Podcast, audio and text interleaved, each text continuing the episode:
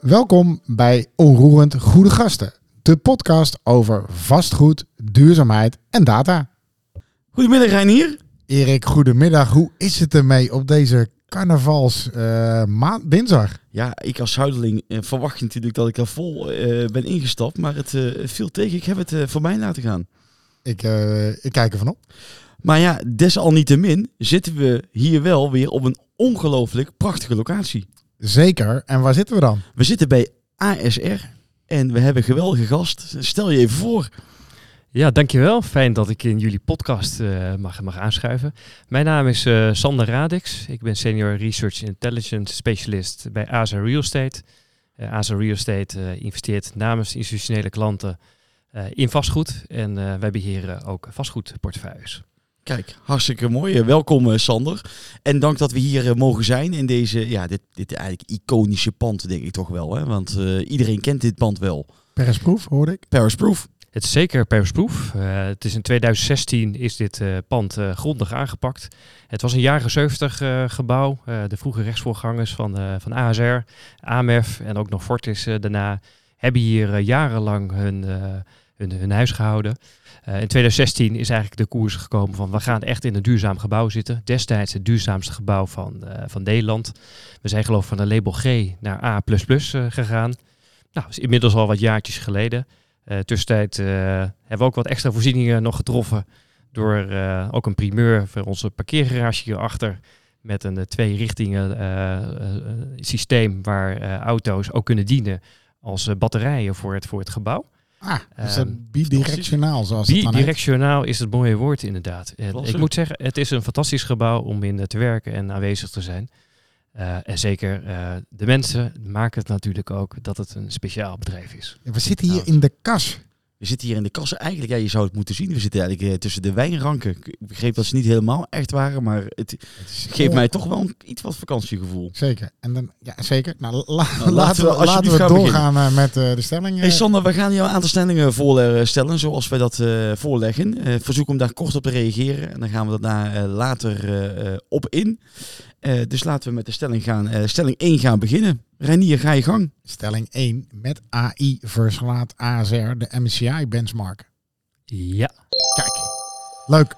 Stelling 2. Vastgoedwaarde wordt binnen ASR nu al voorspeld met AI. Zeker weten. Stelling 3. Bij digitale transformatie zijn er feitelijk vier pijlers. Tech, data, processen en cultuur. Welke is de belangrijkste? Ik, ik, moet kiezen, geloof ik, hè? Ja, exact. Want ze zijn alle vier heel belangrijk, maar nuanceren mag, hè? Ja, zeker. Ja, dat mag zo meteen. Uh, dan kies ik voor cultuur. Leuk. Uh, stelling 4. AI bepaalt het ESG-beleid van ASR. In de toekomst wel, nu nog niet. En dan de vijfde stelling, die is altijd wat persoonlijker. We hebben het graag over sport. En je hebt aangegeven in het voorgesprekje dat je aardig sportief bent. Of sportief bent, moet ik zeggen, niet aardig.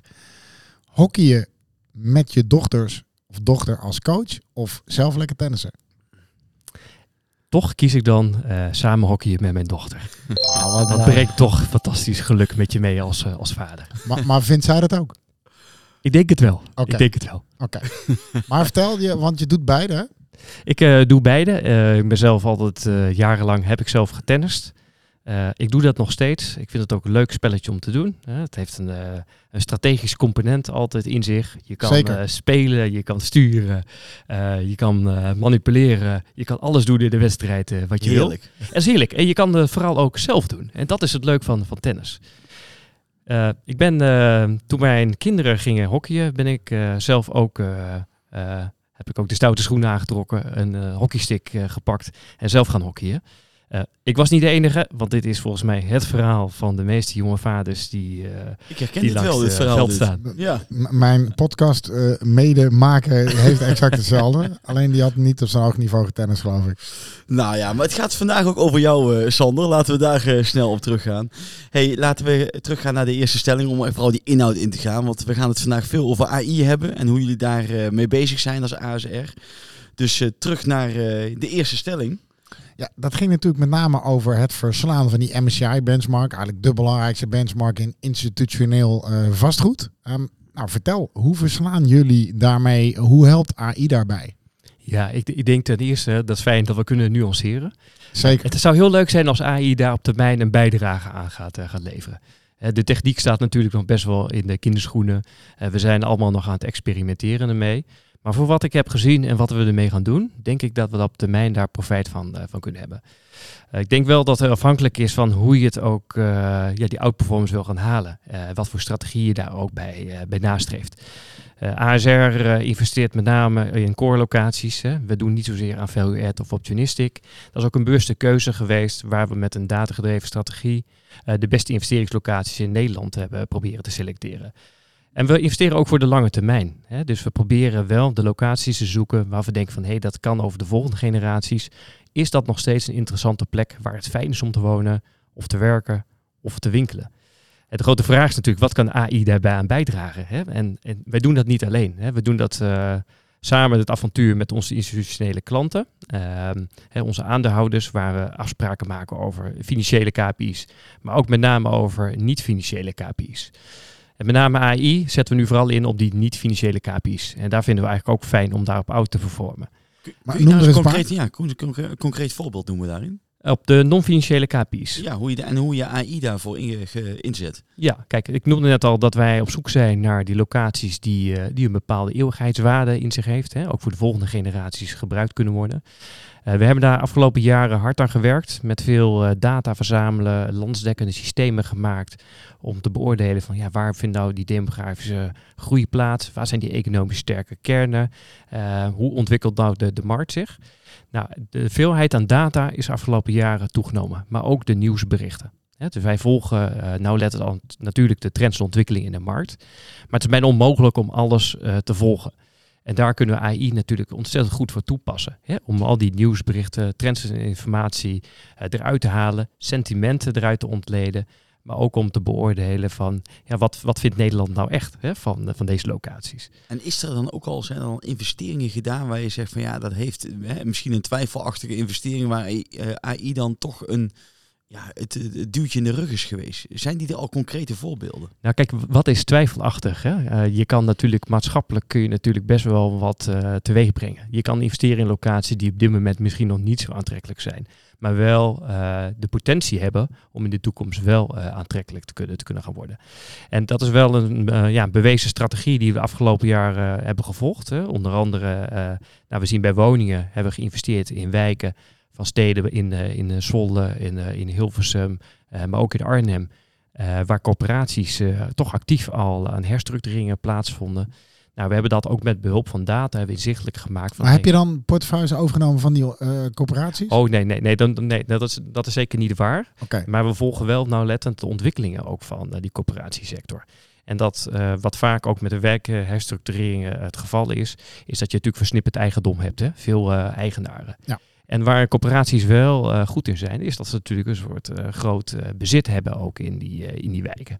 En daar is wel interessant om te volgen, want zij zitten natuurlijk wel ook in een situatie dat ze ook graag een voorraad willen verduurzamen, verbeteren.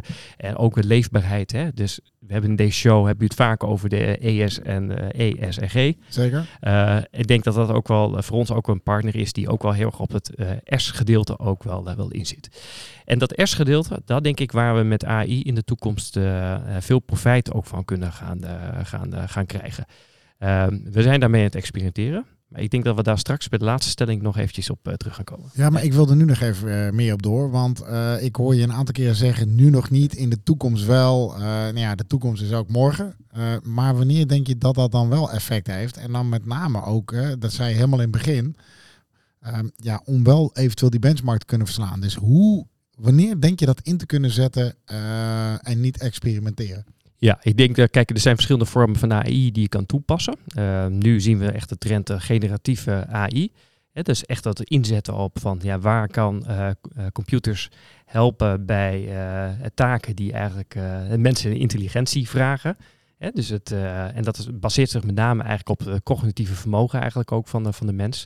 En dat helpt ook heel erg het verzamelen van data, het analyseren van data, uh, het creëren van uh, rapportages eruit, maar ook het op zoek naar, naar verbanden en clusters ook in de, in de data. En dat is wel een techniek die al beschikbaar is. En daar denk ik wel met te verzamelen, ook met van heel veel ESG-data, ehm, waar nu heel veel vastgoedpartijen druk mee zijn, hè, om te voldoen aan alle wet en regelgeving, zoals de CSRD. Dat moeten wij ook doen. Dus daarmee halen we nu een bak met data binnen. Als we die bak data binnen hebben eh, en ook eh, met AI eh, ook een versnelling kunnen gaan brengen, dan kunnen we het ook gaan inzetten om de volgende stap te kunnen maken. Dus ik denk nu binnen nu en drie jaar kunnen we daar echt wel goede stappen in, in nemen. Dat is concreet. Concreet. Ja, zeker. En ik, ik misschien ook wel eens een klein bruggetje naar dit, de volgende stelling. Kijk, deze week werd ook, ik denk dat je het artikel over Google wel hebt gelezen, dat zij via artificial intelligence heel veel besluiten maken om, nou, zeg maar vierkante meters af te stoten. heel concreet is dat. Wat haal jij daar dan uit? Wat haal je daaruit wat, wat, wat, wat ASR eh, eventueel ook gaat gebruiken in de toekomst? Want dat zijn denk ik wel baanbrekende berichten. Ja, dat zijn zeker baanbrekende berichten. Ik denk, uh, kijk, en dat zie je zoals partijen als Google, uh, Meta en Amazon en dergelijke. Ja, die hebben hun organisatie er zo op gericht dat zij ook op een innovatieve manier kunnen, uh, kunnen kunnen experimenteren en ook uh, eh, AI-ontwikkeling, nieuwe technologie kunnen gaan inzetten in een bedrijfsvoering. Ik hoor zelf jou al noemen uh, besluiten. Hè? En dat is echt wel een stap verder. ze hebben voor een, een, miljoenen aan huurcontracten afgekocht. Dus het is een bizarre, eigenlijk een bizarre exercitie wat er gaande is. Allemaal gebaseerd op AI. Ja, ja nou, dat, dat gaan we denk ik vaker lezen. Hè. We zien dat AI dus steeds meer bepalend gaat worden in, in beleid en in de bedrijfsvoering. Maar hoe ga je dat in dan, zeg maar, hè, als eh, voor je pensioen, uh, nou, de, de, de pensioenfonds die, er, die erachter zit, fonds wat erachter zit, hoe ga je dat dan, ja, hoe ga je dat in beleid gieten? Want als ik dat lees, dan denk ik meteen, oké, dit gaat enorm veel impact hebben op, ja, op die hele sector. En hoe ga je dat nou concreet maken, dat je daar wel goed beleid op kan blijven voeren, ook naar je achterban? Ja, dat is een hele lastige. Ik heb daar niet uh, 1, 2, 3 een antwoord op. Uh, wat we nu wel de, aan informatie eruit halen, is dat dit, dit soort ontwikkelingen, als we dat vroegtijdig in ieder geval uh, op ons bordje krijgen, en dat kunnen we met AI kunnen we dat doen, dat betekent dat je daar ook uh, vroegtijdig op kan reageren. Of ja. in ieder geval in de mogelijkheid wordt gesteld om daar iets mee te gaan doen. Maar zoals vaker, voorspellen en kijken in, naar de toekomst, dat blijft altijd lastig. Is het, dat, dat is het ook zeker. hey, dan gaan we even door naar die tweede stelling inderdaad. Want nou, daar zei we... Ik, ik wil nog één... Uh, we zijn bijna bij het bruggetje, maar ik heb nog één ding wat ik graag wil weten. Hè? Want kan AI er dan ook voor zorgen dat je met een nieuw fonds komt? Hè? Want we hebben ook uh, andere institutionele beleggers uh, gesproken. Jullie hebben uit mijn hoofd gezegd vier fondsen. wonen, retail, ik noem het dan maar mobility fonds, kantoren en landelijk agrarisch, als ik goed ben. En renewables. En renewables, oké. Uh, maar kunnen we dan op AI, uh, dat zijn eigenlijk de traditionele met, met uitzondering van de re renewables, want dat is meer infra-achtig. Maar kunnen we verwachten in dit jaar, volgend jaar, dat AI gaat zeggen, wij zien, we halen zoveel relevante data op, er gaat een nieuw fonds komen waar Nederland behoefte aan heeft.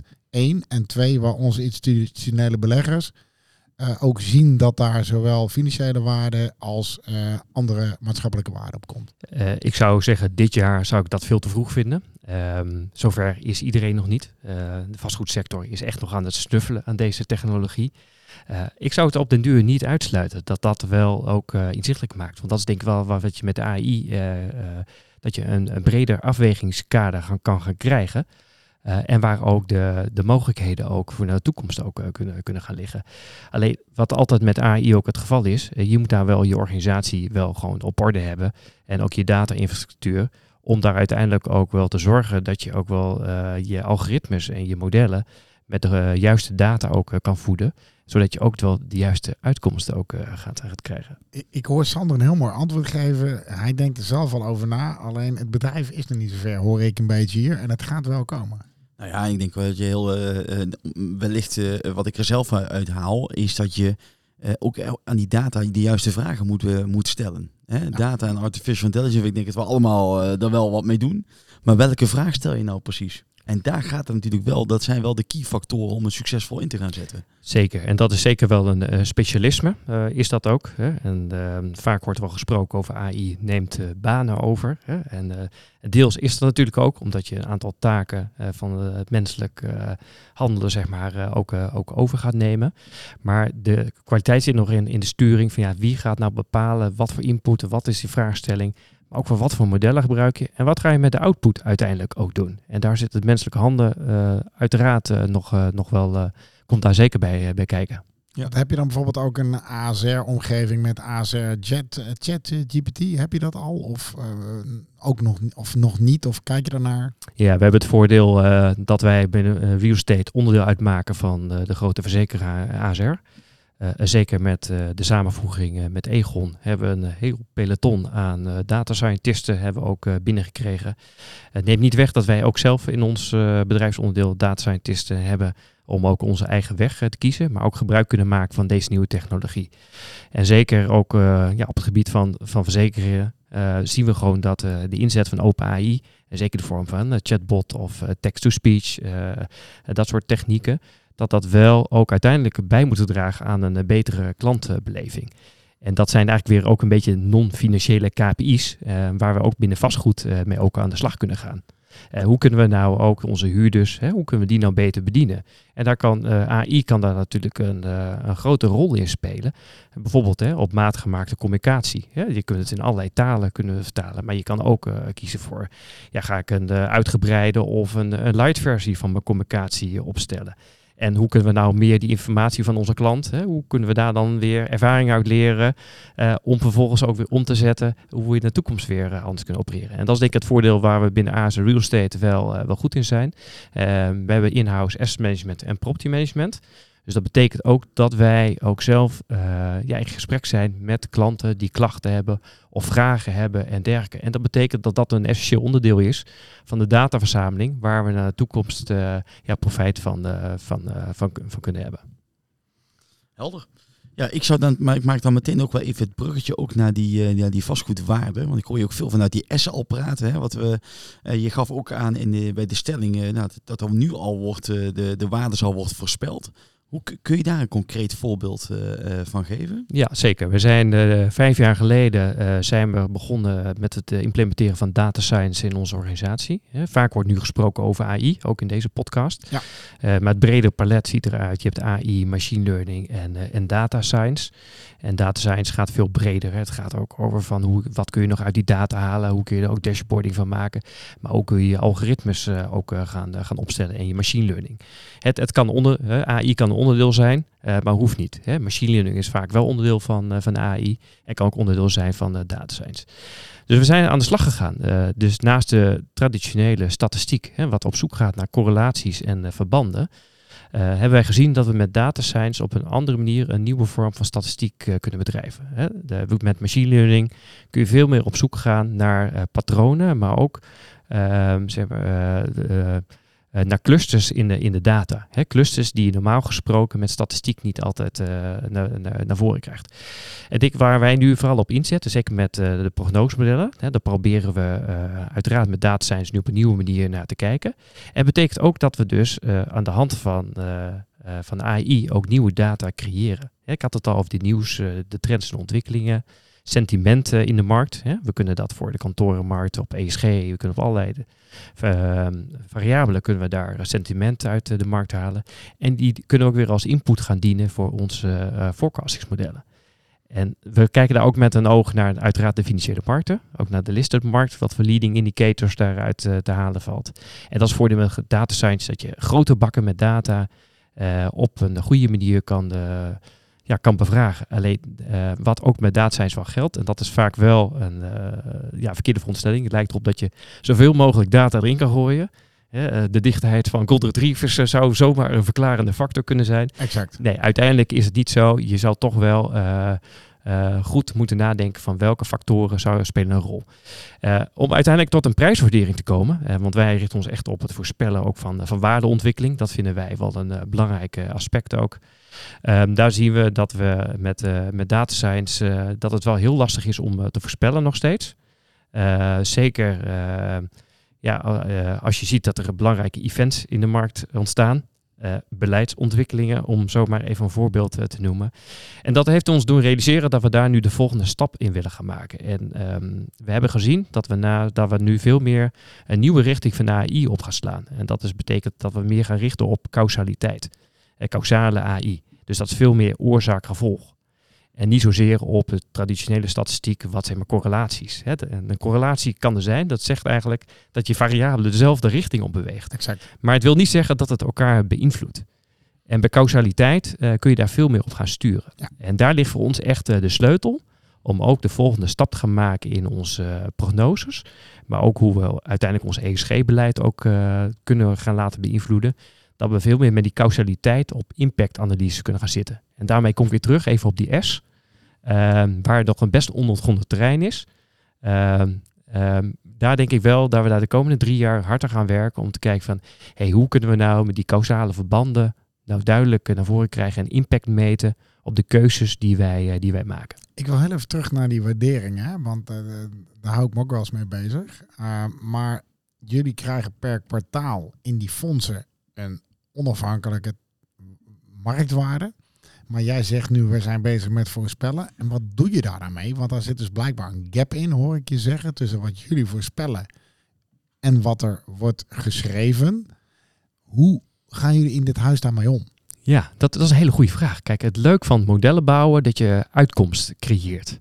En dat betekent dat je een discussie op gang uh, gaat brengen. Ja, maar En- wat brengt die discussie Ja, jullie? nou, ik zal een heel mooi voorbeeld Graag. geven. Uh, dat, uh, daar zitten we hier ook voor, voor vandaag. Zeker. We hebben met machine learning hebben een heel goed model gebouwd wat yield caps kan voorspellen. Ja. Dus eigenlijk, uh, als je yield caps kan voorspellen en je weet je wat je verwachting is van risicovrij rendement, dan kun je eigenlijk ook je aanvangsrendementen zou je kunnen, kunnen gaan bepalen. Zeker. Um, voordeel is dat wij natuurlijk heel veel data ook inkopen. Dus we weten wat er gerealiseerd is en wat ons model als output uh, geeft. En heel vaak zien we dat die wel in uh, lijn liggen of dat daar nog een gezonde uh, marge tussen zit. En dat betekent ook van ja, hoe snel neemt de vastgoedmarkt nou data op? Hè? Want uh, vastgoeddata ja, staat bekend om dat het lekt. Hè? De financiële informatie wordt niet direct doorvertaald in duidelijke waarderingen. Hè? Soms weet je ook niet hoe diep nou je dal uiteindelijk is, is geweest. Zeker. Hè? Zo snel kan het dus gaan. Uh, dus dat, uh, nou, daar zien we wel dat we daar nu uh, ja, de, uh, over het nadenken zijn. Van wat, wat zeggen nou die uitkomsten als het dan toch verder uiteen gaat lopen? Zien we dat dan de markt nog niet alles inprijst en dat daar nog te veel wordt betaald voor projecten? En dat die yield gap eigenlijk niet gezond is en dat de waarderingen straks nog meer in lijn moeten worden gebracht. En dat geeft ons eigenlijk een soort, echt een soort model als input. En daarom noem ik het ook, we gebruiken het echt als hulpmiddel om de discussie intern op de scherpst van de snede zeg maar, te kunnen gaan voeren. Maar dan nog één stap verder, want dan hoor ik je zeggen dat zou dus kunnen betekenen dat je niet gaat investeren. Want als jij deze visie hebt op basis van je eigen data en je vindt dat de markt er te veel betaalt, hè, even voor wat jullie ervan vinden, om het maar even zo te zeggen, dan zou dat kunnen betekenen, wij wachten even. Het, het hoeft niet te betekenen dat je wacht. Alleen je gaat wel een discussie aan met de verkopende partij. Dat je zegt van ja, we vinden gewoon de waardering gewoon niet in lijn met wat we in de, in de markt zien. Nee, maar dan zullen zij zeggen, ja prima, prettige wedstrijd, maar die partijen die nog niet zo ver zijn met AI, die weten het niet, dus die vinden dat wel. Dus de facto zou dat dan kunnen betekenen dat je dus niet investeert. En als die markt draait, precies vice versa. Het, dat, dat zou het kunnen betekenen. En het zou, maar dat is afhankelijk soms van wat wordt er aangeboden in de markt en hoe graag Tuurlijk. wil je het hebben, uiteraard. Ja. Hè? Eh, Helder. Maar ik denk wel dat dat wel uiteindelijk wel invloed eh, kan gaan hebben. En jij zit ook te popelen, want jij hebt er nog verstand van, eh, ook eh, veel meer dan ik. Nou ja, ik ben wel. Kijk, het is natuurlijk heel interessant hè. Als je ook in, ieder kwartaal alles ook laten waarderen en zo. Hè. In, in hoeverre gaat. Ja, hè, je ziet de dagsteur altijd eh, veel kijken naar het verleden. AI gaat ook vooral hè, naar die glazen bol, de toekomst voorspellen. Ja, wat, wat is, gaat de impact daarvan zijn? Dat is een- natuurlijk wel weer interessant. Heb je dadelijk die waardering die je nog krijgt eh, per kwartaal? Hoeveel waarde heeft die werkelijk nog voor je? Of is het meer een, een vinkje vanwege die je moet doen vanwege de beleggers? Nou, dat, dat denk ik niet. Nee, die waarde is voor ons eh, heel belangrijk, eh, uiteraard. Hè. En ook voor onze, onze aandeelhouders, eh, om dat gewoon goed eh, op, op lijn te brengen. Maar we zien het ook wel als Ja, is- taak om is jullie dat- als dat ook dan- een beetje uit te dagen. Is dat zo dan? Anders, moeten ze, het, anders moeten ze de nef aanpassen. Ja, wel- ja maar- is het nee, maar dat begrijp ik wel. Maar is het dan eigenlijk meer inderdaad de, de, het risicovinkje dat je dat gaat doen? Want ja, uiteindelijk, ik kan me voorstellen dat AI, eh, AI dadelijk veel meer impact heeft dan Nee. menselijk eh, te verwerken valt. Kijk, wij vinden het belangrijk om eh, ook al wat stappen verder uit, eh, vooruit te kijken. Hè, we, ehm, zoals ik in mijn introductie al aangaf, hè, we investeren voor de lange termijn, we willen de juiste keuzes ook gaan maken. We zien gewoon dat eh, duurzaamheid nog niet altijd ook ingeprijsd is in de, in de markt. Hè. We zien dat wel terug als we gaan gaan vergelijken met wat we aan een soort required return zeg maar ook verwachten, zien we dat ook steeds meer partijen daar ook een soort duurzaamheidspremie ook al verwachten. Hè, voor investeringen om uiteindelijk objecten die, die niet voldoen aan de Paris-proof normen, dat daar behoorlijke capex nog op zit. ASR met de DIPA mee gaat doen. Zeker, we zitten binnenkort ook bij IVBN, waar ASR ook onderdeel van uitmaakt. De duurzaamheidsparagraaf. Ja, ja, dat weet ik. Ja. Oké, eh, nee ja, ik denk uh, helder. Ik ben heel nieuwsgierig hoe dit de komende tijd wel, uh, ja, hoe jullie daar meer mee gaan doen. Zeker als je steeds meer van die informatie krijgt. Ik wil even het uitstapje maken naar die vierde stelling, want dan komen we zo meteen terug op die derde nog even. Dat gaat over ESG-beleid en dan heb ik gewoon een heel concreet voorbeeld. we gaan naar Valkenburg aan de Gul. Ik gebruik dat voorbeeld vaak. En ik denk niet dat jullie a priori daar mogelijk gaan investeren, maar neem me even mee. Neem ons even mee. Uh, landbouwgrond uh, exact. wel. Ja, exact. Uh, maar op het moment als jouw AI, machine learning, dan aangeeft dat daar dus, want je zegt ik ga naar causaliteit in plaats van correlatie. Hè? Nou, er zou dan een, een causaliteit, causaal verband kunnen zijn tussen hoe meer overstromingen er zijn en de waarde van het vastgoed. Is dat dan waar ik aan moet denken?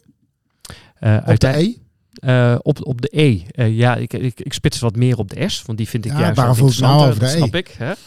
Uh, uiteindelijk is het natuurlijk wel, uh, ja, waar, waar, je inderdaad die causaliteit, hè, uh, kijk, klimaatrisico's in kaart brengen, dat, dat doet iedereen inmiddels wel. We weten ongeveer grote Net aan hoor.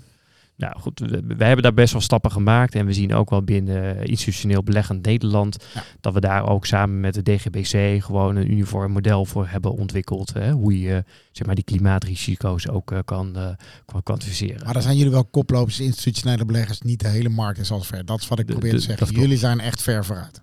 Uh, wij hebben daar, we zijn er een aantal jaren daar mee bezig omdat we het een belangrijk onderwerp vinden. Hè, Om die eeuwigheidswaarde in ieder geval voor de volgende generatie ook te kunnen, te kunnen inschatten. Dus dat, nou, dat is uiteindelijk wel natuurlijk van, we kijken wel verder vooruit. Hè, wat natuurlijk die verwachtingen zijn voor 2050 misschien het jaar 2100. Hè, en zien we dat nog steeds als daar de aantrekkelijkheid van die locaties is. Dat wil niet zeggen dat we dan niet gaan investeren op dit moment. Uh, maar betekent wel dat je eigenlijk een brede afwegingskader hebt. En dat je eigenlijk alle uh, zaken die je op een rij hebt, die je met de AI genereert of met je data science modellen, dat je daar een veel beter afgewogen besluit over kan uh, gaan nemen. Helder. Helder. Nog even terug naar de laatste stelling. Ook, uh, ja, ik mag het eigenlijk niet zeggen. Een klein beetje omwille van de tijd. Want dat hebben we toch uh, altijd een beetje strak uh, in de gaten. Maar normaal zeg jij niet dat dan altijd. En, nou goed. Ik heb het ervan geleerd, Erik. Hey, bij digitale transformatie zijn er feitelijk vier pijlers. Tech, data, processen en cultuur. Welke is het belangrijkste? En jij zei, begon natuurlijk al meteen te nuanceren. Maar je zei wel cultuur. Waarom? Ja, ik denk uh, zoals zo vaak, uh, het gaat toch altijd weer om mensen, of je dingen voor elkaar uh, gaat krijgen. En cultuur in een organisatie is heel belangrijk, of je in staat bent om ook wendbaar te worden en nieuwe technologie ook te kunnen adopteren in je, in je organisatie. Dus dat betekent dat je eigenlijk een omgeving moet hebben waar, ja, waar je open staat voor, voor het creëren van nieuwe ideeën, maar ook uiteindelijk ook het uitvoeren ervan. Want uh, als die uh, cultuur uh, niet op orde is, betekent ook dat je technologie niet kan implementeren, je processen niet zodanig kan veranderen dat ze ook kunnen, kunnen gaan renderen, maar ook je, je workflows op die manier niet tot de juiste uitkomsten gaat, komen. En je hebt aangegeven dat je tien jaar werkt hier, dat is best wel een tijd. hoe is AZR dan hier gekomen? Dat het nu zo'n omgeving is waarin dat kan. Want jullie zijn best een groot. Hoeveel werken mensen bij AZ Real Estate waar we het dan over hebben? Uh, inmiddels zijn we gegroeid naar richting de 200. Uh. Dat is best een aanzienlijk bedrijf. Hoe is AZR zo ver gekomen? Ja, ik denk uh, dat het komt. We, zijn nooit een heel hiërarchisch bedrijf uh, geweest. En daar zit denk ik ook wel uh, de crux in. Um, zoals de, de, de, we zijn natuurlijk niet helemaal een techbedrijf zoals een Google, et cetera. Uh, maar we hebben wel de ruimte, uh, in ieder geval, om zelf daarin te gaan exploreren. Uh, en ik vind het persoonlijk ook leuk om daar ook mee te gaan. En die ruimte die hebben we ook gekregen om daar ook in te gaan ontdekken. Dus dat betekent ook hè, met data science, waar we al vijf jaar geleden begonnen. Dat is best snel. Dat is niet vanuit, het, vanuit de organisatie gekomen, maar er zitten ook wel wat persoonlijke interesses zitten daar ook in. En dat geeft wel aan, um, want ja, tien jaar bij een bedrijf werken, uh, is heel lang. Maar als je continu wordt uitgedaagd en uh, in de veranderde organisatie zit, en ik heb wel wat uitdaging, heb ik ook nodig. Ik ben snel uitgekeken op dingen. Um, dat betekent wel dat je ook die ruimte ook krijgt om daar ook invulling aan, aan te geven. Dus we zijn ook, we hebben natuurlijk als belegger hebben gewoon heel veel data. Dat is denk ik ook wel geluk. Hè? Daar kleine organisaties ja, die, die hebben dat gewoon niet altijd of hebben daar niet uh, de budgetten voor. Dus dat betekent dat we vrij snel ook al uh, de centrale plek ook van research intelligence in onze organisatie ook een belangrijke rol speelt in het formeren van de investeringsstrategie van, uh, van onze fondsen. dus dat betekent dat we eigenlijk ook elke keer die volgende stap willen nemen. En we zijn daar ooit begonnen met ja, ook GIS-systemen. Om te kijken van hoe kunnen we nou zelf nieuwe unieke data ook creëren. Door, uh, door allerlei verschillende lagen over heen te leggen en ervaringen op te doen van hoe, hoe werken gebieden nou. En hoe kun je nou vanuit een, uh, ja, een, een, een, sociaal en economisch perspectief nou die gebieden ook, ook gaan analyseren. Helder. Ja, we zitten toch. Uh, ja, ik moet toch even een beetje ingrijpen. Uh, want Ga jij nou, een heel mijn, laat, mijn tijdsrol overnemen? Nou, helemaal niet. Ah. Maar nee, ik denk beer interessant. Wat ik, wat ik heel interessant vind, Sander, is dat ik ja, ja, hoe, hoe jullie hiermee bezig zijn. Dat ook nog wel. Ja, ik ben vooral ook heel nieuwsgierig naar ja, hoe dat er over twee jaar voor staat. Dus wat mij betreft komen we hier dan nog een keer terug. Je nodigt jezelf uit gewoon. Ja, zeker. Okay. Dat doen we. Ja, ja. Ja graag. Je zegt ja, van harte welkom. Ik ben heel nieuwsgierig hoe het er dan voor staat, uh, Sander. Want het is een thema wat mij ook uh, uh, enorm interesseert en om daarmee bezig te zijn. Ja, ik wil je ontzettend bedanken voor je inspirerende verhaal. En traditioneel hebben we altijd de afsluitende vraag. Uh, wie zou jij willen uitnodigen voor deze podcast en wat zou je hem of haar willen vragen? Ik denk uh, Luc van der Boom en zijn bedrijf uh, zijn al jaren bezig om voor institutionele partijen in ieder geval ook ESG-data te verzamelen.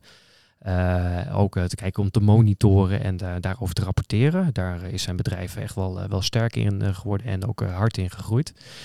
ik zou hem eigenlijk, nou misschien eigenlijk wel twee vragen mogen mag, mag dat? Mag, wel. Ja, ja is hoor, dat, geen probleem. Dat, dat is wel leuk. Ik denk dat wel even een goede vraag ook aan hem is. Hij ziet heel veel ESG-data ook voorbij komen. hoe, zo, hoe zouden we nou naartoe kunnen werken dat we daar nou de, de beste maatregelen uit kunnen filteren of kunnen halen, wat eigenlijk een, een generatie kan, uh, kan overslaan. Ja, dit is, uh, dit is een uh, hele mooie. En Zeker. De, en de tweede, de tweede vraag, tweede ja? vraag aan hem. Uh, grote bedrijven zoals ASR valt onder de CSRD. Hè, dus wij worden al getriggerd om al die duurzaamheidsdata te verzamelen. En ik ben benieuwd of hij tips heeft voor bedrijven die niet onder die regeling vallen. Van hoe moeten zij die ESG-data verzamelen en hoe kunnen ze dat toch, hoe kunnen we dat ook activeren? Want ik denk dat het sector breed, dat dat heel belangrijk gaat worden, dat we met z'n allen ook uh, die, die verantwoording pakken om alles over vastgoed, ESG ook inzichtelijk te krijgen. Ah, leuk, want daar, daar heb ik zelf ook nog wel wat ideetjes over. Maar goed, dat geldt zijde. Heel hartelijk bedankt, uh, Sander, ook vanuit uh, mijn kant. Uh, echt een super inspirerend verhaal. En aan iedereen zou ik willen zeggen, ja, luister het weer via de bekende podcastkanalen. Like ook onze LinkedIn-pagina. En dan ben je altijd als eerste op de hoogte van de nieuwe uitzendingen. Dus zeer bedankt en ja, tot snel. Graag gedaan. Dank jullie wel. Tot de volgende keer. Dankjewel, Sander.